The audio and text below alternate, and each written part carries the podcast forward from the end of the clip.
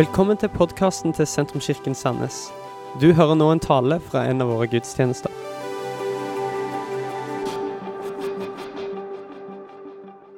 Vi vil etablere et hjem med en atmosfære av kjærlighet som merkes. Så kjekt å se deg. eh, Og eh, ekstra velkommen til de som er med oss eh, via skjerm, og de som kanskje også hører på podkast. Det er noen, det òg. Denne søndagen her så ønsker vi å bare eh, gi en sånn lite blikk av det året som eh, det året som ligger foran oss, samtidig som vi har et lite øye på det som vi kommer fra. Og eh, Jeg har lyst til å ta oss eh, litt tilbake. Jeg liker egentlig, Når en snakker om visjon, så liker jeg egentlig og vel så mye å snu meg tilbake og se på det som har vært, og hvor en kom ifra. For hvor vi er, henger sammen med hvor vi kommer fra, og valg som en har tatt eh, eh litt bak i historien. I 2010 så var Sentrumskirka syv år gammel. Da var vi ikke flere enn at eller i 2009 at det var halvfullt på gamle IOGT. Eh, og eh, fra vi starta kirka, så var kirka jeg så som kirkeplanter, ung kirkeplanter med eh, stor tro, og, og kanskje i overkant stor tro. Den kirka var veldig lett å beskrive med få ord. Den var stor, den var voksende, og den var full av unge mennesker. Etter syv år, altså i 2009-2010, så var kirka verken stor Eh, den var heller ikke voksende, eh, og den var i liten grad full av unge mennesker. Og Lærdom nummer én som kirkeplanter og som kirkeleder er vær kirke sammen med de som velger å være en del av kirka. Glede seg over kirka som en har, istedenfor å gå og drømme seg vekk over kirka som en ønsker seg. Og for meg så ble det en bestemmelse å gi livet for de som er der. Hvis den gruppa som er her, hvis vi kan vokse i kjennskap og kunnskap til hvem Gud er, være kirka sammen, ja, men da er det verdifullt. Så får Gud gi vekst når han ser det, eh, når han ser det fint, og gi vekst.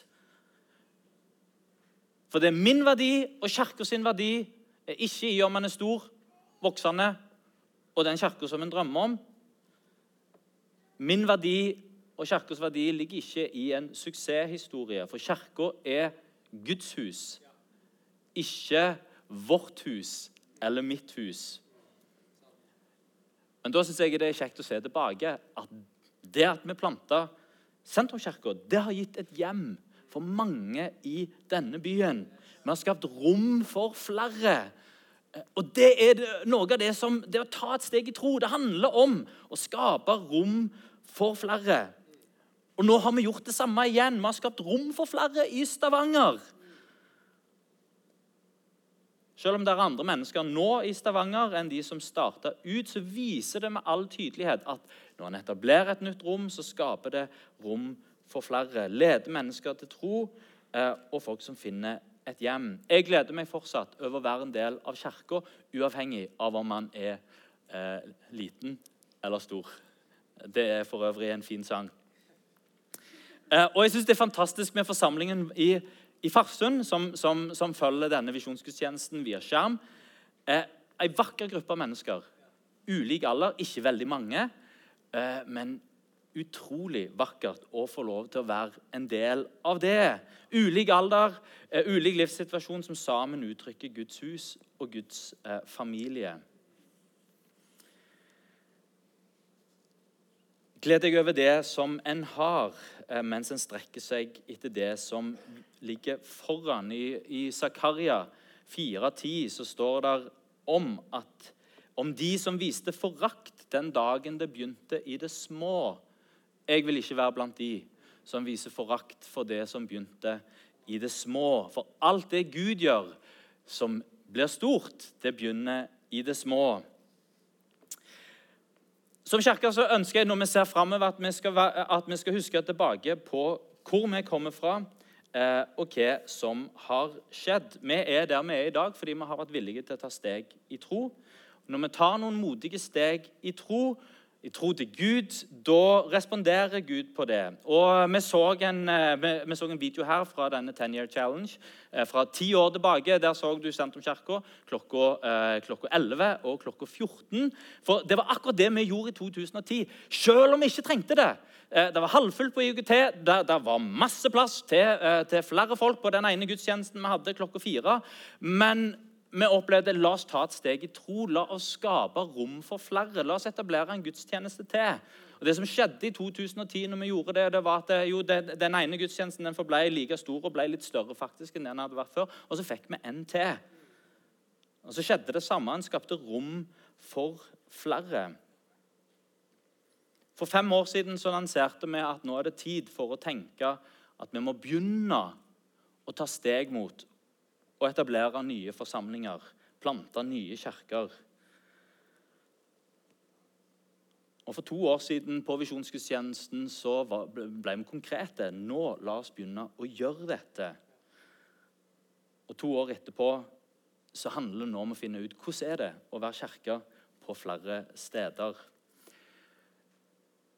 Min bønn er at det ikke skal slutte her. At mange i denne kirka skal få oppdage kall til tjeneste. Eh, og i ulike alder òg. Eh, men jeg tenker særlig på de som vokser opp i sentrumskirka. Tenk å få vokse opp i et miljø hvor du kan oppdage kall til tjeneste. Og du kan være med å pionere fram nytt, eh, nye forsamlinger. Og du kan være med å skape nye rom som gir plass for nye, eh, nye mennesker.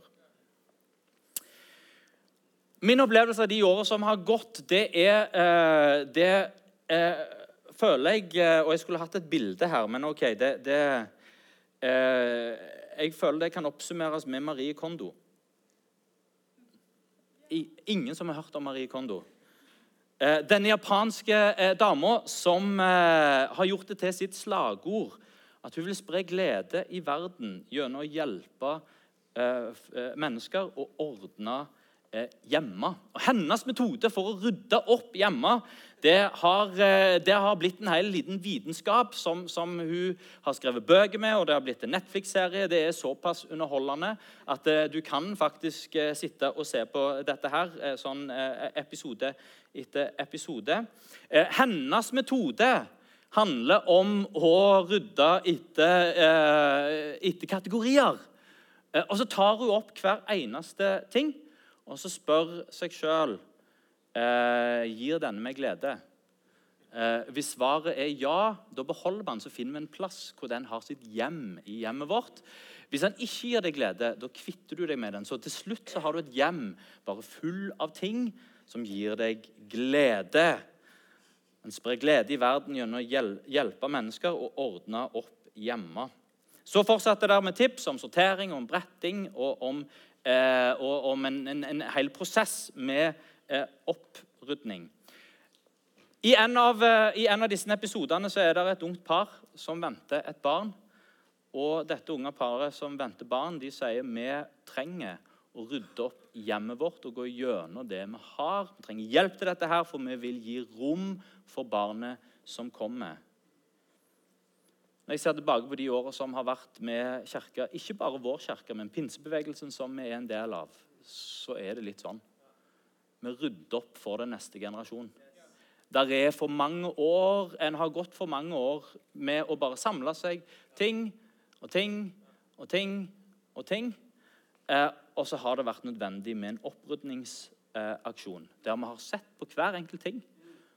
Gir dette meg glede?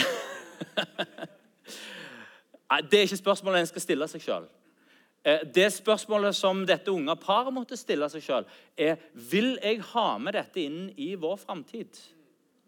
Er dette en del av historien vår som er en del av historien vår, og som vi kan legge bak oss? Eller er dette noe jeg tar med meg inn i det nye livet som familie?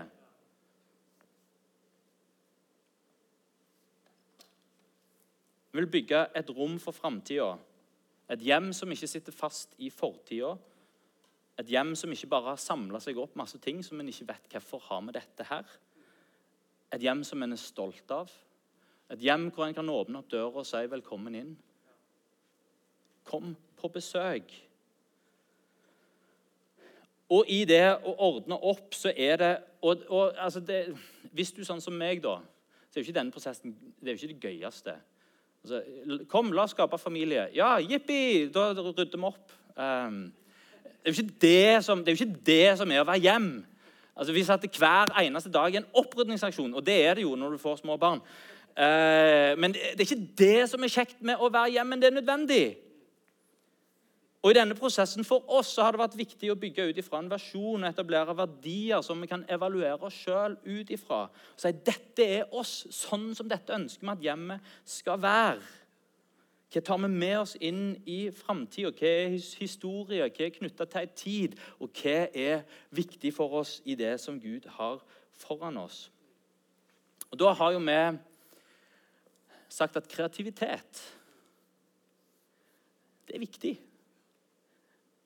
Og sånn Fra begynnelsen av så visste jeg egentlig ikke helt hvorfor dette er viktig. Det var bare sånn, sånn, det var bare flere som kjente, sånn intuitivt tenkte kreative. Det er oss. Vi er kreative. Eh, men etter hvert som året har gått, så er det blitt mer enn, enn en følelse, men en overbevisning som blir større og større og dypere og dypere. Gud gjør alltid noe nytt. Gud er skapende, og han er kreativ. Den som tror på Gud, gjenspeiler Gud og gjennom sin kreativitet og sin skaperglede. Kreativitet og skaperglede er ikke bare for kreative, kunstneriske mennesker. Eh, men så, det, så, så, så, treffer den et annet punkt òg. Den treffer vår tilbedelse. Både vår, vår, uh, vår, individuelle tilbedelse, den som vi har hjemme, den personlige, og den offentlige tilbedelsen. Vi ønsker at den skal være vakker, kunstneriske, spille på alt som er av de kreative gaver. Og være med å ære Gud på en måte som er vakker, uh, og som er tiltrekkende for de menneskene som, som, som kobler på, og som kommer på besøk. Hvis en leser salmene, så ser en dette igjen og igjen. Pris Gud, alle folk. Kom til Herrens hus, alle folk. Alle folk synger hans pris. Tenk om det er kirka som vi kan skape i, eh, i vår tid, der eh, det å tilbe Gud det er sånn at ja, det er kreativt, det er vakkert, og en ønsker å være en del av det. Tenk nå når vi går inn i et nytt år og det som ligger foran oss. Tenk hvis Tenk hvis en stor del av kirka kan bli engasjert i våre kreative team. Og det har jeg lyst til å si til deg. Hvis du har kreative gaver, snakk med Thomas, som er, som, som, som er kreativ pastor. Eh, og, og, og, finn en plass hvor du kan tjene med din kreative gave. Blant framtidens store evangelister i vårt samfunn så er kunstnere som berører sjelen, og som berører følelsene. I vår opprydningsaksjon har vi sagt vi vil være sjenerøse. I en tid preget av materialisme og selvrealisering er det viktig å ikke begrave det Bibelen sier om sjenerøsitet og giverglede.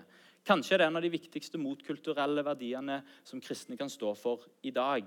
Det gjelder pengene våre, det gjelder holdningen vår, det gjelder ordet vårt, det gjelder hvem, det som vi eier. Eh, det handler om å gi uventa, det handler om å svare. Der når urett blir gjort mot meg, så handler det om å svare med å gi noe positivt tilbake. Bergpreken i praksis er sjenerøsitet. Og I året som kommer, så, så, så tenker jeg for Sentrumskirka, ikke bare for oss som individ, men for Kirka òg. For så mange år nå så, så, er det hvert eneste år så handler det om forpliktelsene våre. Forpliktelsene våre, som vi klarer akkurat forpliktelsene våre. Men tenk å komme i en posisjon der vi har en sjenerøs giverglede òg som kirke, og kan gi og velsigne både venta og uventa, og ta nye steg i misjonsarbeidet vårt og ta på oss nye prosjekter og være med og være til velsignelse fordi Gud har velsignet oss så rikt. Så har vi sagt at vi ønsker å være synlige. Og Kristne har kanskje blitt en sånn skjulte minoritet i Norge. Nesten åtte av ti studenter sier at de eh, skjuler troen sin i praksis. Eh, og, ble, og, og, kirka ble pressa inn i et privat hjørne. Eh, men der ønsker vi å bygge en offentlig tro, en synlig tro. Og, som er synlige i livet, men som også er synlige i byen. Tenk om vi kan samle inn en million til vårt byggefond Sånn at vi kan eh, få på plass et bygg som er synlig i byen. Og som, er, som, som ikke bare sier at ja, vi er her for en stund, men vi er her for en tid. Plassert i denne byen. Multiplikasjon. Vi vokser gjennom multiplikasjon. Flere rom, flere nyanser, flere smaker. Jeg elsker hva min eldste datter Miriam sa etter vi hadde vært i Farsund sist, uh, sist helg. Uh, så, det var så koselig her. Uh, og så sa hun i bilen etterpå dette er den beste versjonen av Sentrumskirka jeg har vært i. Så til Farsund dere er den beste versjonen. Vi skal fortsette å skape sånne rom som blir den beste versjonen av kirka. Som spiller på de ressursene og den personligheten og det som en har i det rommet. Derfor så håper vi dette året her å kunne sende to personer til til CPI i Bergen. Eh, til, til kirkeplantingsskole. For vi vil fortsette, selv om at nå, nå fokuserer vi på det som vi har gjort, men vi vil fortsette å investere i framtida. Og vi vil fortsette å vokse gjennom multiplikasjon. Vi vil være gjestfri og sette gjesten i fokus. Ære gjesten, ikke være oss for no more. Spise sammen, lære å lytte, lære å sette andre i fokus, være nysgjerrige på andre mennesker. Gjøre det trivelig for andre mennesker. Mitt hjem er ikke bare for meg, men mitt hjem er for den andre. Kirka er ikke bare oss, men kirka er et gjestfritt hjem. Åpen dør. En kirke full av gjestfrihet. Og Dette året så kommer vi igjen til å ha en sånn Spis med oss-aksjon. Faktisk legger vi det inn hvert år nå i årshjulet. Spis med oss hver eh, etter påske. Da er det Spis med oss-aksjon. Eh, sånn eh, sånn at eh, Hvert årshjul mat. Sånn, eh, påske mat. Påske mat. Spis med oss, åpne hjemmet, kom på besøk. Kom på besøk til kirka, men kom også på besøk hjem til oss. La gjestfrihet bli satt på agendaen som dette er, dette er viktig. Dette er en del av troen min. Jeg spiser sammen med andre mennesker. Jeg er gjestfri, jeg er åpen med livet mitt. Åpen dør, åpen kjøleskap og åpent hjerte. Da er vi motkulturelle og representerer noe annerledes. Og vi vil tjene. Det henger sammen både med sjenerøsitet og med gjestfrihet. En annen form for realisering. Jeg skal ikke realisere meg sjøl, men jeg vil realisere noen andre. Hva er det gode liv? Er det å bli tjent? Eller er det å legge ned sitt liv og være en tjener for andre? Og Vi som kirke ønsker å eh, tjene byen vår. Og Marie Jason sa det i Stavanger, så har de begynt et spennende eh, samarbeid med Evangeliesenteret. Det samarbeidet der tror jeg kommer til å spre seg til oss i Sandnes òg. At vi kan være med å tjene byen vår og være med å tjene de som trenger det. Det som vi skal huske på er at Det hjemmet som vi skaper, det er ungene sin oppvekst. Et hjem skapes av foreldre. Og En forpliktende relasjon er det som gir et hjem mitt ja til min kone Vesna og Vesna sitt ja til meg. Og den forpliktelsen som vi følger det opp med etterpå, det skaper vår familie. Og Det samme skjer i en fotballklubb når noen trenere begynner å trene sine førsteklassinger. Eh, og så er det en hel gjeng med førsteklassinger som blir med. Og så følger bare de samme trenerne. Følger opp i andre klasse, tredje klasse, fjerde klasse. Og så følger de de videre opp i storskolen, og så er det overgang til ungdomsskolen. Og så er det stammen av det samme laget og stammen av de samme trenerne. Et sånt lag som det, som, som, som har trent sammen og spilt sammen, og som har de samme voksne, stabile voksne, som har en forpliktelse over tid. Et sånt et lag som det blir mer enn bare et lag. Det blir en familie. Eller det får en familiefølelse, iallfall. En trenger relasjoner over tid. Til våre nyplanta forsamlinger i Stavanger og i Farsund gi det tid. Familie etableres over tid. Det etableres ved å si ja og følge opp det ja-et etterpå. Det etableres gjennom at en blir. Det er foreldrene som skaper ungene sin oppvekst. og Det er ikke alltid foreldrene føler det så voldsomt, men det som foreldrene gjør, det blir, det blir ungene sitt hjem, og det blir deres oppvekst. Mine foreldre de flytta fra Bryne til Sandnes når jeg var åtte år. Og jeg tror Hvis du spør mine foreldre i dag eh, er dere Sandnesbuer eller er dere jærbuer, så tror jeg de sier vi er jærbuer. Jeg tror i hvert fall det er med fra Jæren. Eh, men jeg er ikke jærbu, jeg er fra Sandnes. Så det som mine foreldre gjorde, det hjemmet de skapte, det blir min oppvekst og min identitet og min tilhørighet. Sånn kan vi som voksne tenke i forhold til kirken. Det er ikke alltid vi trenger å føle det så voldsomt, men vårt, vårt ja blir vår, vårt barns oppvekst. La oss skape det gode hjemmet som gir solid fundament for livet og når livet blir utfordrende, som gir god eh, ballast, og som gir identitet, og som gir tilhørighet og stabilitet, og være kirke for den neste generasjonen. Det er de vi har rydda for, det er de vi har skapt det for, og det er de vi skal levere det videre til.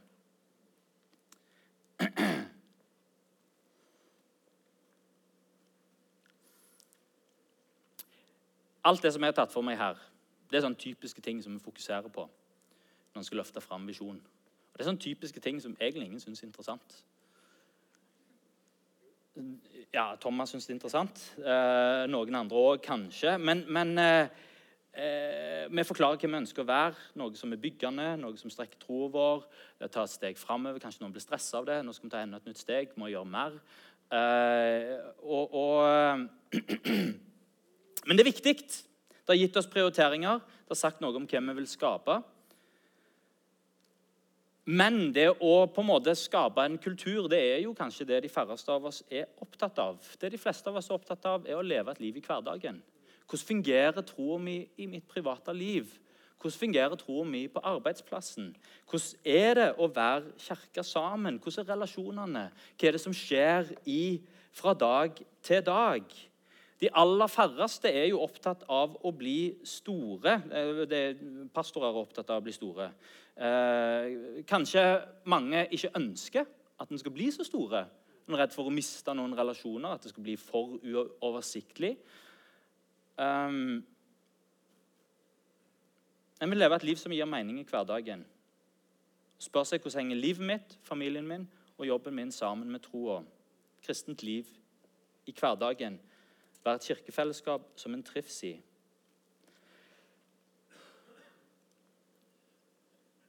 Vi har ryddet opp hjemmet. Vi har skapt et hjem for neste generasjon. Det som er viktig, er ikke nå hvordan en organiserer ting og brettekant og systemer, men hva vi fyller hjemmet med. Hva er dette hjemmet fullt med? Et godt hjem er ikke det strigla interiørhjemmet. Et godt hjem er ikke det hjemmet hvor alle tinga henger på rett plass, og hvor det alltid er støvsugt, og hvor det alltid er pent, og hvor ingenting er ut av synk. Hvis vi tror at det er å skape det hjemmet som den oppvoksende generasjonen skal trive Vi vil ha det på plass, for vi vil. her er dørene åpne. Kom, se. Vi er stolt av hjemmet vårt. Ting er på plass. Ja, det er det, men det er ikke det som skaper hjemmet. Hva som skaper hjemmet, det er folka som er i hjemmet. Det er den atmosfæren som folka bringer med seg. Vi fyller dette hjemmet med kjærlighet.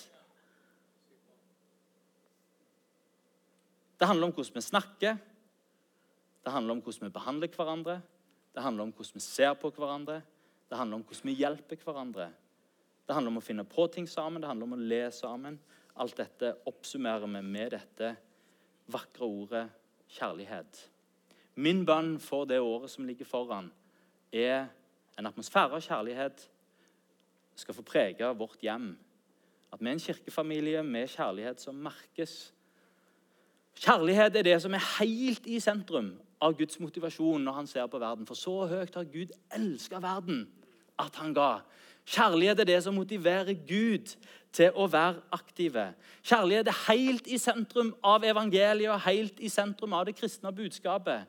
Kjærlighet er i sentrum av den kristne teologien, og det er til og med i sentrum av hvem Gud er, for Gud, han er kjærlighet.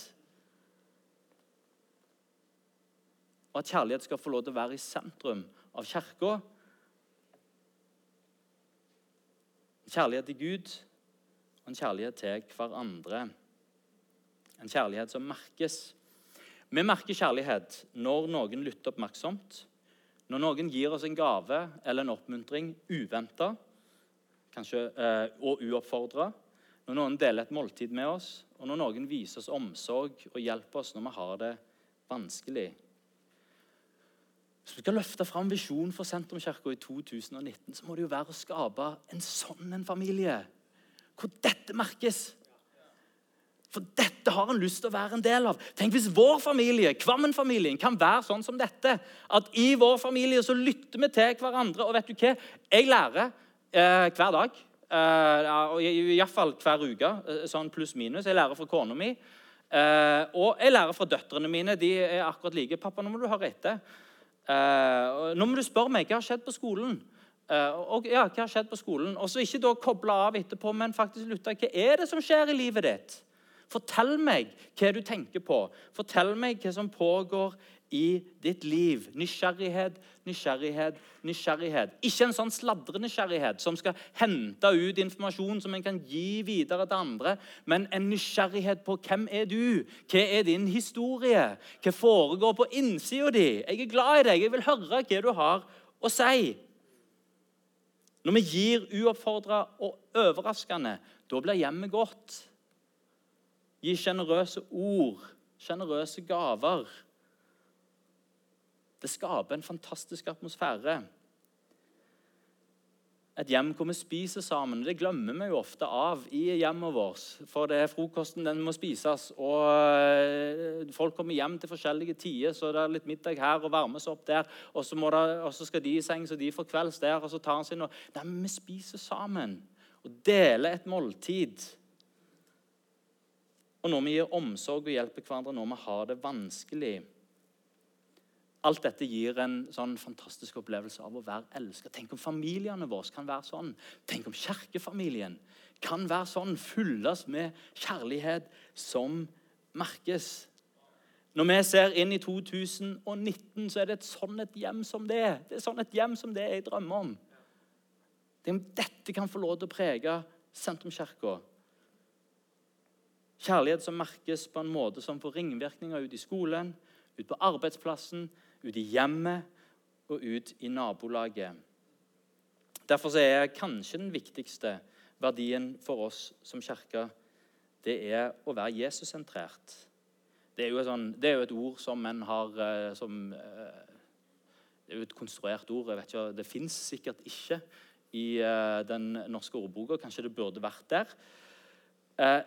For det er, det er så viktig. Å være en troende handler om dette. Det handler om å være sentrert rundt Jesus. Å være en kristen handler om å være dette. Være sentrert, ha livet sitt sentrert rundt Jesus. Jesus plassert helt i midten for å berøre alle delene av det som til sammen er mitt liv. Men ikke bare at Jesus er sentrum av livet, men at han er sentrum av fellesskapet. Sentrum av når vi kommer sammen. Det er derfor at lovsangslederen sier nå, nå, nå begynner vi denne gudstjenesten med å løfte opp navnet Jesus. Det er derfor vi fortsetter i gudstjenesten med å be sammen, fordi vi henvender oss til Jesus. Det er derfor forkynnelsen er sentrert rundt hans ord. Fordi at det, eh, forkynnelsen skal løfte fram Jesus. Og så sier Johannes evangeliet at når menneskesønnen løfter løftes opp, så skal han dra alle mennesker til seg. Og så er det noe med det at Når Jesus får være sentrum av livet og han får være sentrum av kirka, så er det der kjærligheten gror. Det er når Kirka er mest opptatt av å sette Gud først, at kjærlighet til mennesket òg blir tydeligst.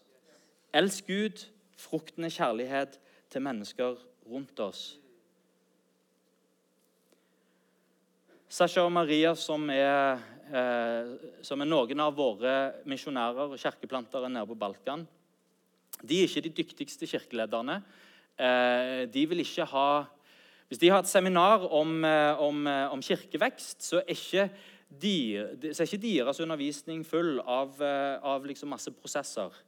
Eh, men det de er, de er full av kjærlighet til Gud, og de er full av kjærlighet til mennesker. Og så fyller de opp kirka si med mennesker som de viser kjærlighet. Og så er det bare Du kan trø inn. Det er ikke alltid at alt er helt på G. Eh, men du trør inn i den kirka, og så merker du her er det en atmosfære av kjærlighet. Jeg vil lære av Sasha og Maria at Sentrumskirka er et kirkefellesskap der vi trør inn. Atmosfære av kjærlighet. Her blir jeg sett. Her er det noen som lytter til meg. Her er det noen som gir meg noe. Oppmuntring, en gave. Her er noen som, som ønsker å velsigne. Her spiser vi sammen, her deler en, deler en liv, og her bryr vi oss om hverandre når vi har det vanskelig. Både at vi løfter det opp i bønn, og ber, det er det, takk, det, er det eh, òg er. Vi løfter fram eh, utfordringene våre og det som vi bærer med oss. Vi kan gjøre Paulus i bønn fra Fesane 3 til vår bønn for 2019. Derfor bøyer jeg mine knær for Far, Han som har gitt navn til alt som kalles Far i himmel og på jord. Må Han som er så rik på herlighet, gi deres indre menneskekraft og styrke ved sin ånd. Må Kristus ved troen bo i deres hjerte, og dere står rotfesta og grunnfesta i kjærlighet. Må dere sammen med alle de hellige bli i stand til å fatte bredde og lengde og høyde og dybde. Ja, kjenne Kristi kjærlighet som overgår all kunnskap. Må dere bli fulgt av hele Guds fylde, Han som virker i oss med sin kraft og kan gjøre uendelig mye mer enn det vi ber om og forstår.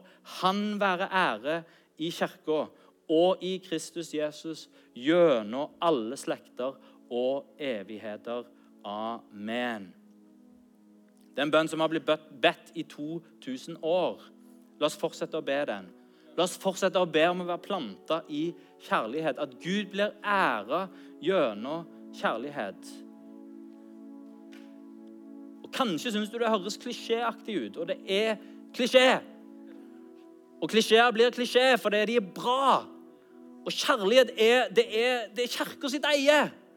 La oss ikke miste det ut av hendene våre. Så bare vær så god, populærkultur, ta kjærlighetsbegrepet, gjør hva dere vil med det. Nei, la oss eie kjærligheten. Si dette Gud er kjærlighet. Det norske leksikonet har, Når det skal beskrive kjærlighet, så klarer ikke beskrive det på noen annen måte enn at Gud er kjærlighet. Det er Gud som definerer hva kjærlighet er. Og det er hans ambassade på jorda som forvalter kjærlighet. La oss si med Paulus når vi ser på 2019, men størst av alt er kjærligheten. La oss ta eierskap til ordet kjærlighet. La oss være kirke som ikke definerer kjærlighet fra filmer. Vær så snill. Se aldri en romantisk Jo, det, du ser gjerne romantisk komedie, men se aldri en romantisk komedie og dra etterpå. Det var kjærlighet. Definer kjærlighet ut ifra Gud og Hans ord. En kirke som er preget av Guds kjærlighet, ikke Hollywoods følelseskjærlighet. Kjærlighet som går på kryss av generasjoner, som krysser kulturelle skiller. Som trør over språklige barrierer og bygger stadig nye broer. Kirke med atmosfære og kjærlighet. Hvor sannhet og kjærlighet kobles sammen. Når sannhet og kjærlighet kobles sammen, så blir det varme, og det blir kraft. Vi trenger begge deler. Og kjærlighet siver ut gjennom forkynnelsen uten at den blir nevnt. Og hvor kjærlighet siver ut i samtaler og interaksjon med andre. Nå skal du få høre min parafrase av første Korinterbrev. En kjærlighet som er tålmodig i møte med mennesker som ikke har alt på stell. Kjærlighet som er velvillig i møte med utfordringer og behov. Kjærlighet som unner andre suksess. Kjærlighet som før seg sjøl velger å løfte fram det gode i andre. Kjærlighet som aktivt leter etter å gjøre livet bra for mennesker rundt seg. Kjærlighet som kan vise uenighet og diskutere uten å krenke eller være nedlatende. Kjærlighet som ikke er oppfarende, men som bringer stabilitet. Kjærlighet som bryr seg nok til å ikke overse det ubehagelige. Kjærlighet som stiller opp for den som er urettferdig behandla. Kjærlighet som er utholdende. Kjærlighet som tror det beste.